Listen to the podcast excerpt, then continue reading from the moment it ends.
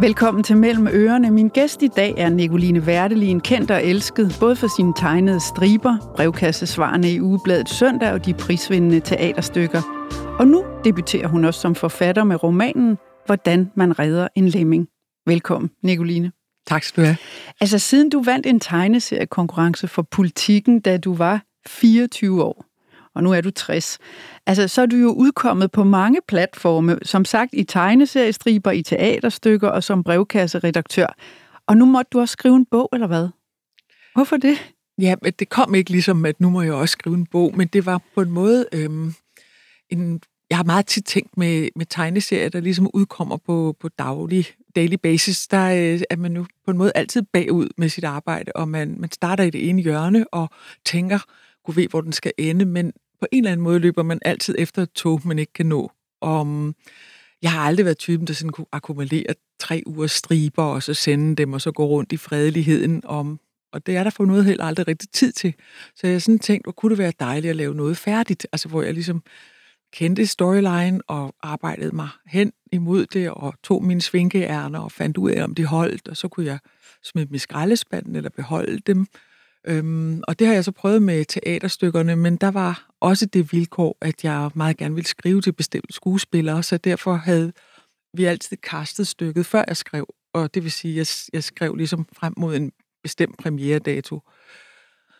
Og det gav igen det der, at, at når jeg sådan får vild, så hastede det lidt, og, og der kunne også være ting, hvor jeg nogle gange tænkte, huh, det må vi redde under instruktionsfasen. Øhm, om, og jeg har bare sådan tænkt, hele mit liv, hvor kunne det bare være en dejligt, hvis jeg engang kunne gøre det, som jeg gjorde som barn, hvor jeg lå oppe i, i min mormors sommerhus i Hornbæk, øh, lå på maven og bare skrev øh, stille og roligt øh, i mit eget tempo, og måske til at blive læst højt af min mormor, eller måske til at blive krøllet sammen, eller måske til at blive gemt under min pude. Bare ligesom få lov at, at arbejde øh, uden at føle et, et pres, fordi jeg synes, adrenalin er virkelig god, og det er også derfor, jeg tror, jeg har fået meget fra hånden. Men jeg synes også på en måde, det kan være en lidt ødelæggende kraft, at øhm, eftertanke og rettelser, og jeg sad engang øh, ved siden af Merta Tikhanen i en bogmæssig i Jødeborg, da jeg var helt, helt ung, og så sagde hun til mig, øhm, du ved nok, Nicoline, at de største kunstnere har de største papirkurve. Og, og hvad det, betyder det? Og jeg var, jeg var ung og ambitiøs, så jeg drønede hjem og købte den allerstørste papirkurv, man overhovedet kunne få i København. Øhm, men, men det der med, at du laver mange, altså det er jo ligesom et isbjerg, det er kun den øverste tiende del, som der nogensinde er nogen, der skal se. Og hele det isbjerg, der ligger nedenunder, der tænkte jeg, hvis jeg havde bedre tid, havde jeg måske også bedre øhm, mulighed for at smide meget ud, mm. og så kunne det være den spids, der stak op, og jeg kunne få et mere... Um, altså perfektionistisk forhold til det, og få lov at skrive passager igennem, ikke bare 20 gange, som jeg gør med et teaterstykke, men nogle passager, som er svære, måske 30 eller 40 gange, og blive ved med at nørde med, med sprog, øhm, og bytte om på små bogstaver, og det var, det var min bevæggrund. Mm. Og du har været tre år om ja. at skrive den. Ja. Og var det så, altså nu hvor du står her og netop har udgivet den, altså har du så oplevet den fornøjelse, du håbede, det ville være at have ro til alt det, du beskriver der, vende tilbage, skrive om, ikke have en deadline og hængende over hovedet? Ja, det var nøjagtigt lige så skønt, som jeg havde drømt om. Ej, hvor er det godt. Men der, der skal jo også gås virkelig mange ture med hunden, synes jeg, øh, for at skrive en bog, og det vil sige, at når man går tur, så øh, kan man være heldig, der kommer indfald ned. Det er ligesom, de kommer lidt fra himlen, eller eller nede fra jorden op gennem fødderne, men, men der er ikke andet for end ligesom hele tiden at gå rundt med sin turban, og så håbe, at der falder en appelsin ned. Man kan ikke rigtig i virkeligheden tvinge det frem, og jeg synes i hvert fald også med alderen, at man oplever, at de gaver, der kommer, øh, som vel også bare hedder inspiration, at det er en meget fin og sjælden gave, man skal være meget taknemmelig for, og det er ikke noget, man ligesom bare skal sige, hej gave, du er en pligt, du skal komme på hele tiden. Øhm, så det har været rart også at have det der lidt mildere forhold til sin egen sjæl. Ja. Og det, der er kommet ud af din sjæl, det er jo fem mennesker, i den her bog, som, øh, som jeg tænkte, du måske bare lige kort skulle præsentere, fordi de, alle, hver kapitel tilhører jo skiftevis en af dem. Ja. Så vil du ikke lige fortælle, hvad det er for nogle mennesker, du øh, har skabt for os læsere?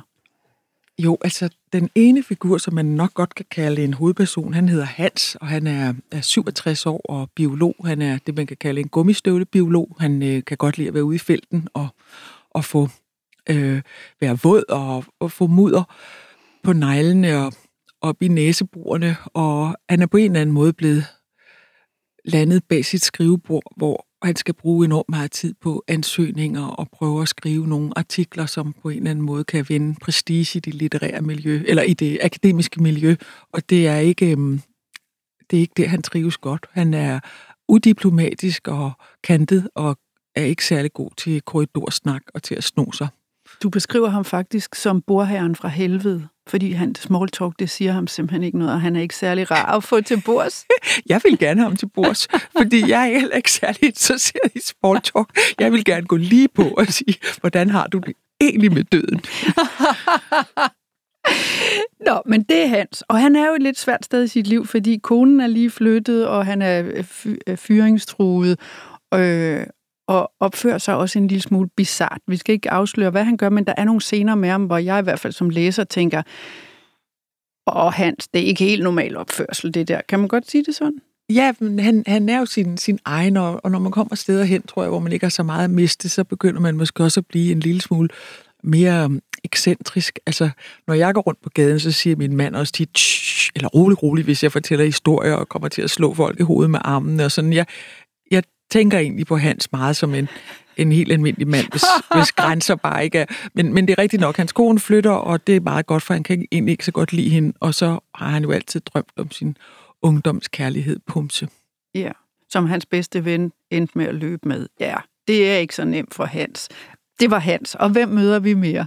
Vi møder også en, øhm, en souffløse, som arbejder på noget, jeg kalder det royale teater, som muligvis kunne være en par frase over det kongelige, og hun hedder Gunhild og er har tabt utrolig mange ting i sit liv, mistet mange vigtige mennesker, og hun øh, er også, øh, hun sørger meget, fordi der er sket så meget med sproget inde i teateret. Hun længes efter de gamle klassikere, at det bliver spillet og opført med hver eneste stavelse og semikolon, som det oprindeligt stod, og hun længes efter de gamle skuespillere med den gode diktion, øh, performance-teater og og badut og gruppearbejde siger han ikke så meget. Øhm, så hun er, hun er også et, et rigtig svært sted. Og så måske, fordi hun ikke har så krigerisk et sind som Hans, fordi hun helt klart er melankoliker, og i begyndelsen af 50'erne, så, øh, så, så tænker jeg på, at, at hende skulle man nok øh, lægge armen mere om, hvis man træffer hende.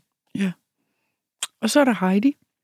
Ja, Heidi er en ung kvinde i slutningen af 20'erne, som er alene med med sin søn. Øhm, hendes afrikanske mand er taget tilbage til Afrika, og hun er socioassistent, og um, hun er nok sådan et mælkebøtte menneske, der ligesom gror op mellem to øh, fliser på fortorvet, om mm, um, er... Jeg ved ikke, hun har jo et motto, handling giver forvandling, og det kan jeg godt sådan øhm, respektere. Ja, så hun kæmper faktisk rigtig hårdt øh, for at i perioder i bogen, bare for at finde et sted at bo til hende og hendes søn, ja. fordi de er sådan lidt på fart med en... Ja, hun er også øh, temmelig tyk, så derfor så har hun også... Øhm, altså hun skal passe en lille smule på sit helbred, og så gør hun også rent, så hun øh, har mange bidjob. Ja. Nikolas? Nikolas er en...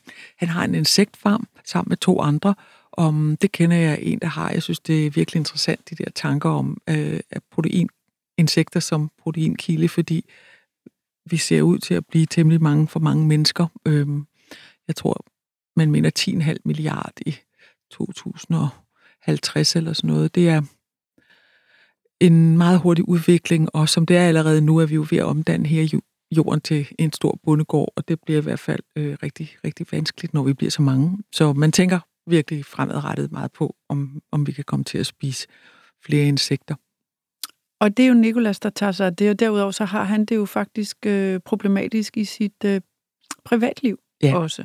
Han ja. har det heller ikke så nemt. Nej, han, han har en, en kone, der har det tiltagende dårligt gennem bogen, om de var ellers meget, meget sådan forelskede og erotisk betaget af hinanden, men så har de en lille datter på 10 år, som er fuld af livskraft, men jeg tror, hans dybeste bekymring er jo nok, hvordan, hvordan beholder man den livskraft, når, når de voksne har det så svært. Og den sidste, den femte, det er den pensionerede læge Inge. Ja. Og hvordan har hun det svært, Nicoline? ja, men jeg tror altså, at alle mennesker har det svært. Jeg tror ikke bare, det er de fem mennesker i min bog. Men øh, hun, hun er jo øh, en kantet kvinde, som mm, ikke har... Altså, hun er ikke sådan en helt vild familiemenneske, og hendes... Hun er måske også lidt udiplomatisk, så hun er kommet til at sove sin datter rigtig alvorligt, og ser ikke sin voksne datter, og derfor heller ikke sit barnebarn. Om, hun er 80 år, og hun spiller tennis og sådan, men fordi hun ikke er super god til at gå på kompromis og, og bøje sig ned, så, øh, så bliver hun tit uvenner med folk. Men hun har to lejere fra mellemøstlige lande og er stadigvæk øh, fuld af pep. Ja. Og vi skal lige, inden vi taler om, hvad de fem ligesom gør ved hinanden, eller hvorfor det er det galleri, du har valgt, så skal vi lige øh, dvæle en lille smule ved Hans, som jo er øh, hovedpersonen. Fordi som sagt, der var meget, der var svært for Hans, og øh, han har en søn, som han har et rigtig skidt forhold til. Og vi skal lige høre et klip, der illustrerer det, og det er læst op af Tammy Øst, og vi kommer ind her, hvor Hans har ringet sin søn op. Hej far. Hej, ja, det er mig. Er der noget i vejen? Nej, nej, ikke spor. Okay. Øh, forstyrrer jeg? Næh, Pit og jeg sidder og spiser. Pit? Pit Seolak, min kone. Kone? Er du blevet gift? Ja. Øh, tillykke. Tak. Mor var med. Var mor? Ja, det var bare på rådhuset i Alberta. Alberta? Nå da. Jamen, øh, hvad er så tolst? Det er i Jylland. Jylland. Jeg vi flyttede til Danmark i september. Hvem er vi? Pete og jeg, hun er kanadisk indianer. Åh, vi har jo fået et barn. Et barn? Her satte Hans, der havde cirkuleret rundt om det persiske tæppe, sig ned i den grønne lænestol. Ja, du er blevet farfar. Har mor ikke fortalt det? Nej. Jo, det har hun. Mor fortalte mig, at hun havde sagt det. Jamen, hvorfor har du ikke ringet? Fordi, far, når mor havde fortalt det, og du ikke ringede, så regnede jeg ikke mere, at det betød noget.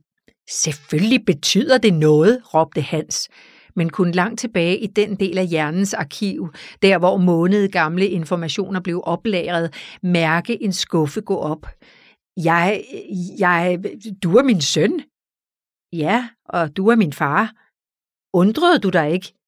Jo, og jeg tænkte også på at ringe. Det skete bare ikke. Skete bare ikke. Hans var rystet, og pludselig kunne han huske det. Kirsten havde ringet og fortalt, at de var blevet bedsteforældre en dag, hvor han var på vej ind for at holde et foredrag om paringshyppigheden hos ikke-vertebrale pattedyr. Jamen dog, tillykke. Men hør, kunne I ikke tænke jer et besøg? Vil du komme til Jylland? Ja, altså, jeg havde tænkt at bo på hotel, men øh, vi bor helt ude på landet. Nå, det kan du da godt, måske til foråret den her mangel på forbindelse, som Hans har til sin søn, Johan, det går jo igen. Altså, de her fem mennesker, du har beskrevet, det er dårlige relationer, det er ensomhed, de er lidt kede af det, de har alle sammen måske brug for en lille hånd i ryggen eller en hånd at holde i. Hvor, hvorfor har du skrevet dem sådan?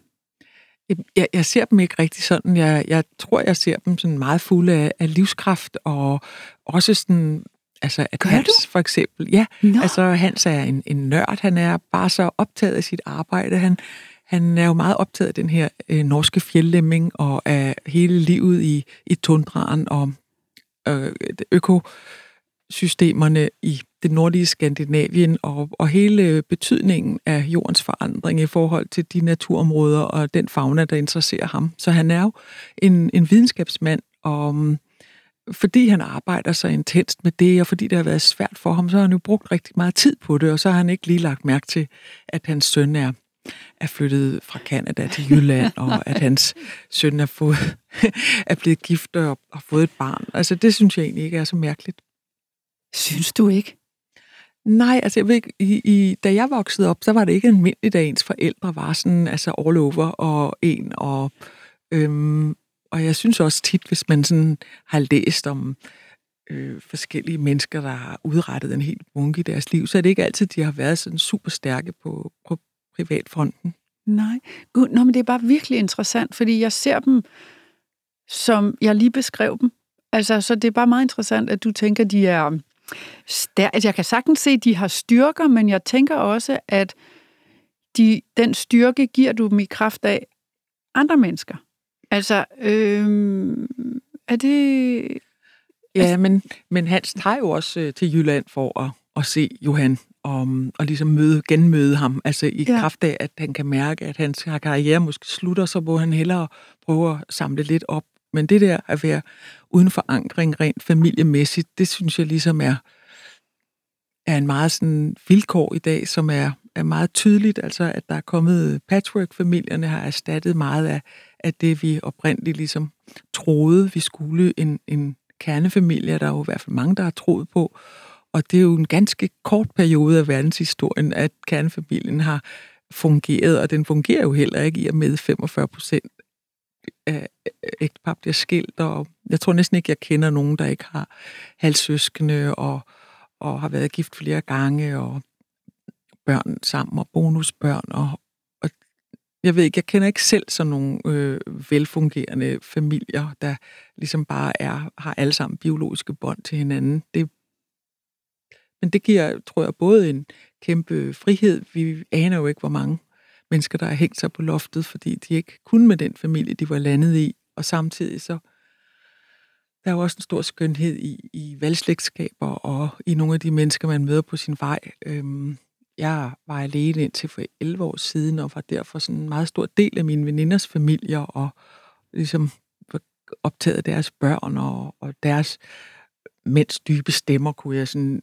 vende nogle issues med, og jeg er meget knyttet til mine venner selv. Ja.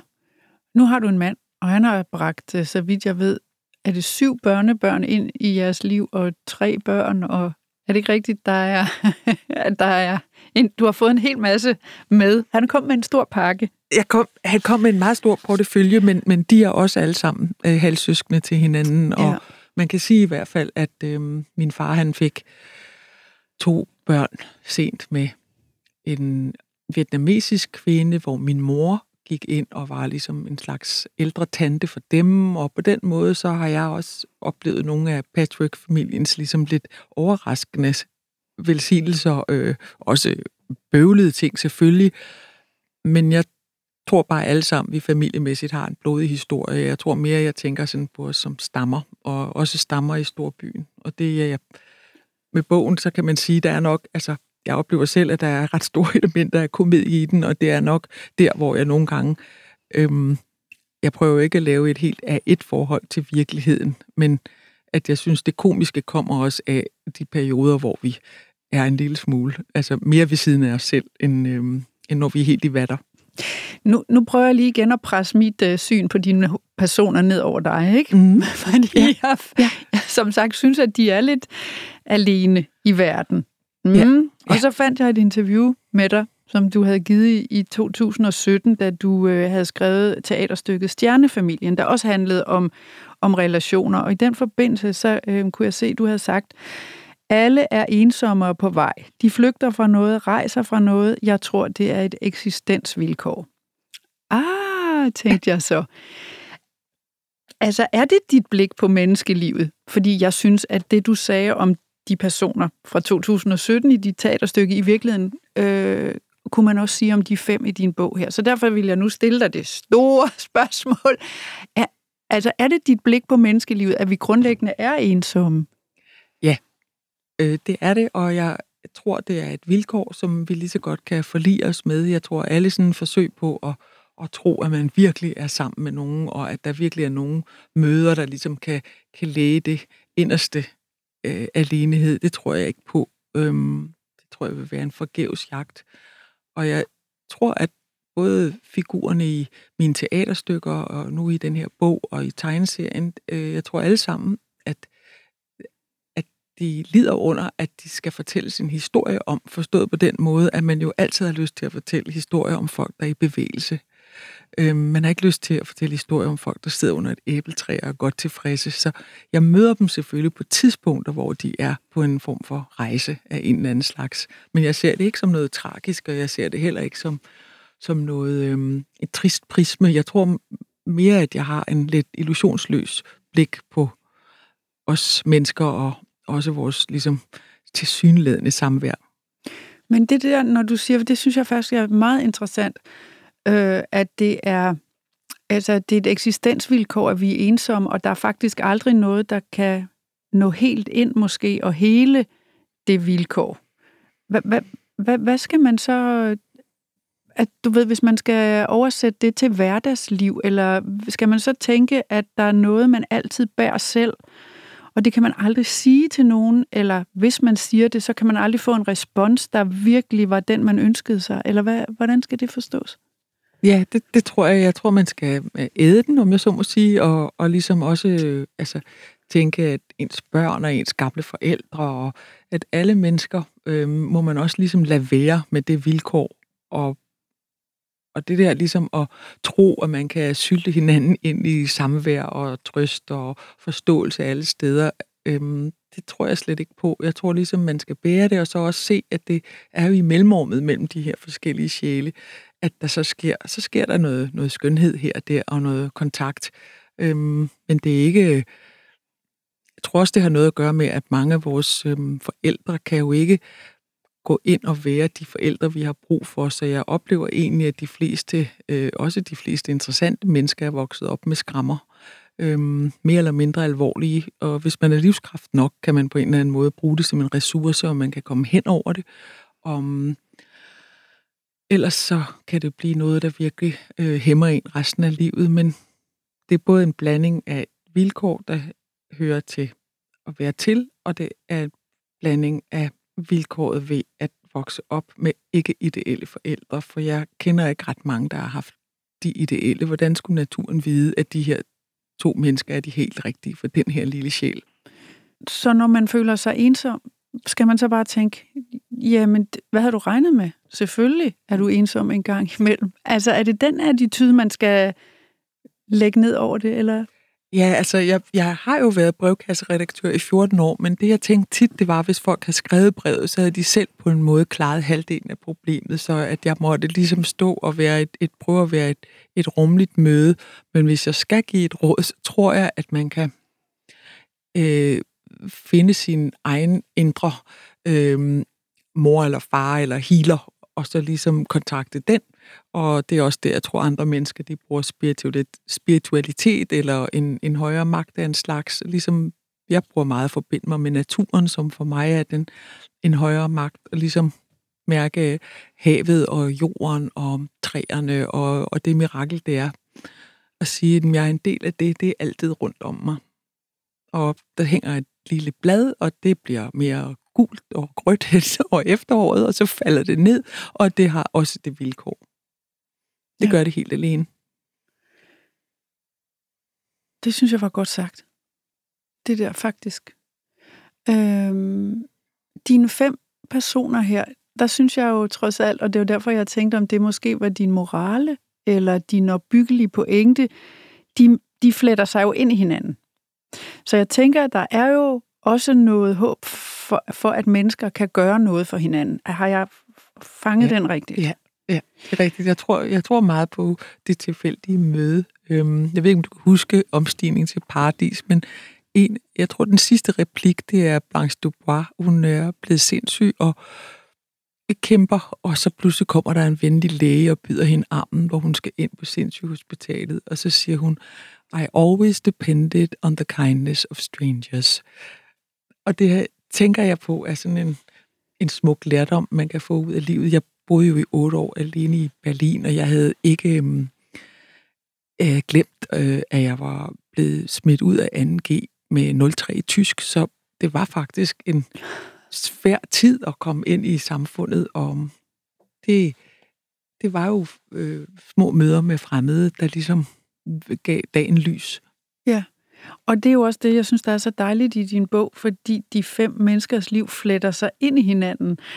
Og så, øh, og det bliver en lille hånd at holde i, eller en, en lille hånd i ryggen for hver af dem faktisk, fordi de jo finder et eller andet fællesskab. Vidste du godt, det skulle være sådan fra starten? Altså vidste du godt, at det var, skulle ende sådan set med, at deres liv blev bedre på sidste side, end det var på første side? Øhm, det synes jeg ikke helt, det gør for alle figurerne, men det kommer nok lidt an på, hvordan man ser det. Men det er, fordi vi kan ikke rigtig sige... Der er nemlig nogle af dem, hvor det kan man bestemt diskutere, men Ja.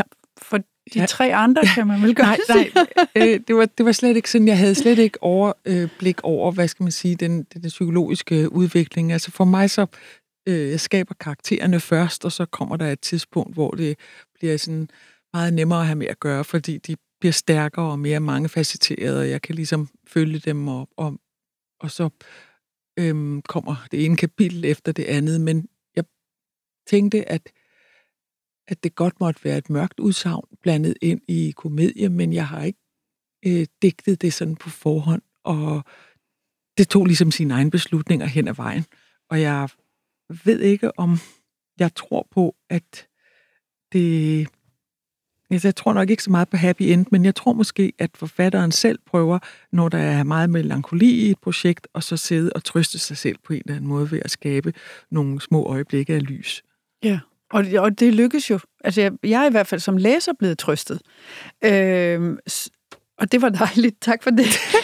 Men hvad, hvad, tæ- hvad håber du, at... Øh, nu siger jeg jo, hvad jeg sidder tilbage med, nemlig at åh, det var godt.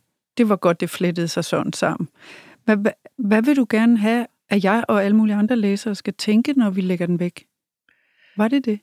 Øh, bogen hedder jo, hvordan man redder en lemming, og noget af det, jeg tror, jeg er mest optaget af, det er dels at, at se på os som, som pattedyr, der sådan mylder omkring, ligesom i en, en myretue i storbyen, frem og tilbage, og med en grænnål den ene vej, og op i et fuglenæb den anden vej, og, og så også at, at tale lidt om vores forbindelse med naturen, og også hvad der sker med os, når vi skiller os ad fra den. Øhm, så det er en bevidsthed omkring det, vores forhold til naturen.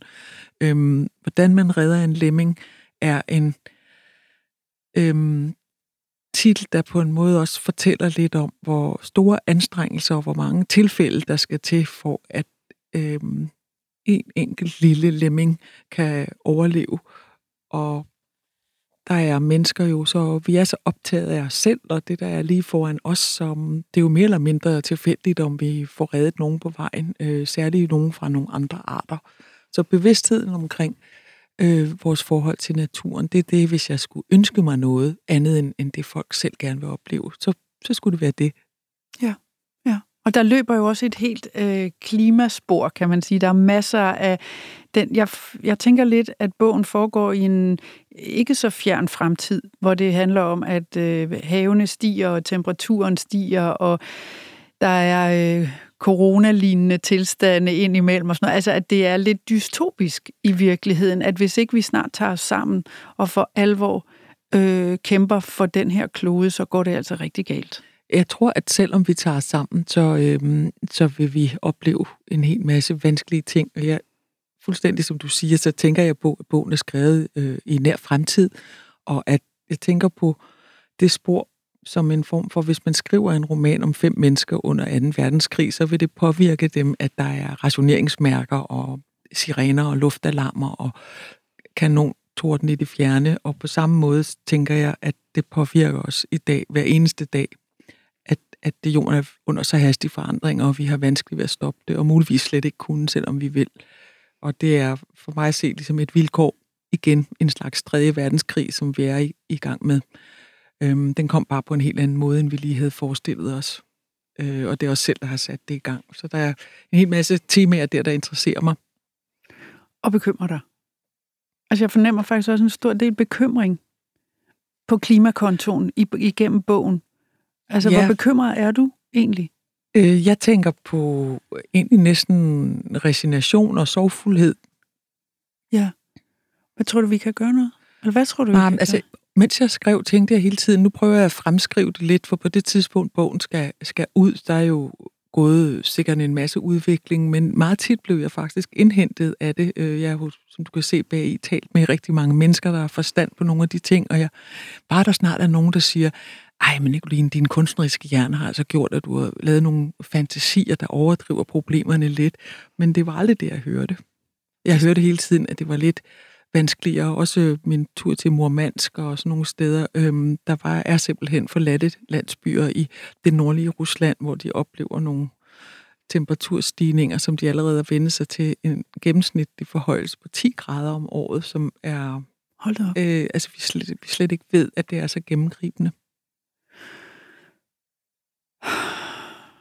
Jeg ved, at du måske gerne vil have, at vi slutter på en happy note. Nej, øhm. nej, det vil jeg nej, slet ikke. Det er kun fordi, det er, så, det, det er jo så stort og uhåndterbart tit, altså at forholde sig til hele kloden og klimaet. Det og... er det også et bagtæppe. Man kan sige, at, at figurerne her, de prøver jo også ligesom lemmingen hver ser at, at overleve. Øhm, men det der, at vi alle sammen er afhængige af hinanden, om dyrene og planterne og vandet og himlen og menneskene og altså alle vores meddyr. Det, det er jo dejligt og trøsterigt at tænke på. På den måde har vi et kæmpe ansvar, men vi er også... Øhm, på den måde er vi jo aldrig helt alene. Vi er jo bundet til hinanden i, i systemet. Så hvis nu man skal prøve en happy note her, kunne det så være, Nicoline, tror du, at måske kan vi lære noget om at samarbejde, også på tværs af religioner og landegrænser, fordi vi har et fælles projekt? Øhm, du... Nej, det tror jeg ikke, vi nej. kan. Den, den happy note må være, at jeg håber, du har grinet, mens du læste, for jeg kommer altså også til at grine rigtig meget, da jeg skrev. Ja. ja. Jeg kunne tænke mig at øh, slutte med, øh, nu den handler, som jeg i hvert fald jo ser det så meget, om, om relationer mellem mennesker. Øh, fordi du har jo dedikeret bogen til, forestiller jeg mig, en af dine øhm, primære relationer, i hvert fald biologisk set, nemlig din far, ja. Ole Wertelin, ja. som døde øh, for 13 år siden.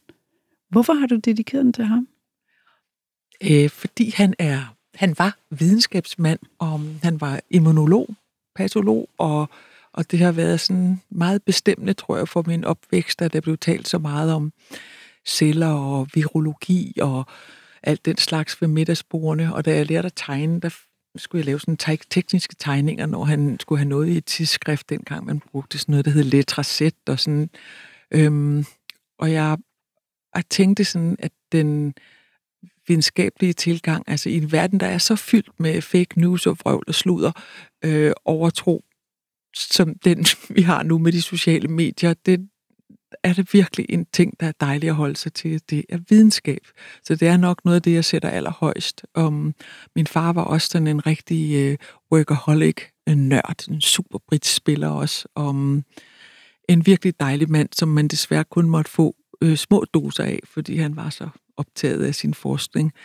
Men det var måske også vigtigere, at han gjorde det, end at han ligesom bondede med os dagen lang. Øh, altså det kostede, og jeg kunne sagtens have ønsket mig at være tættere på ham som barn, men han, vi havde også et meget stort fællesskab, og øhm, jeg synes, vi, jeg får tit at vide, at jeg ligner ham meget.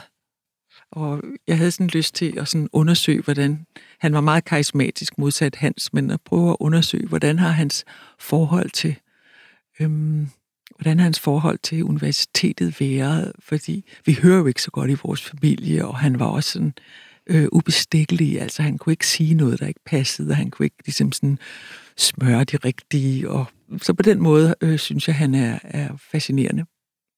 Og nu har du sendt ham en hilsen, kan man sige, ved at dedikere din bog til ham. Ja. Nicoline, det har været så dejligt at tale med dig, øh, og mange tak for din bog, og tak fordi du kom. Selv tak, fordi jeg måtte. Og tak til dig, der lyttede med mellem ørerne, er tilbage igen næste fredag. For mere mellem ørerne, brug kampagnekoden Cecilie og få 30 dage gratis adgang til tusindvis af lydbøger på Mofibo.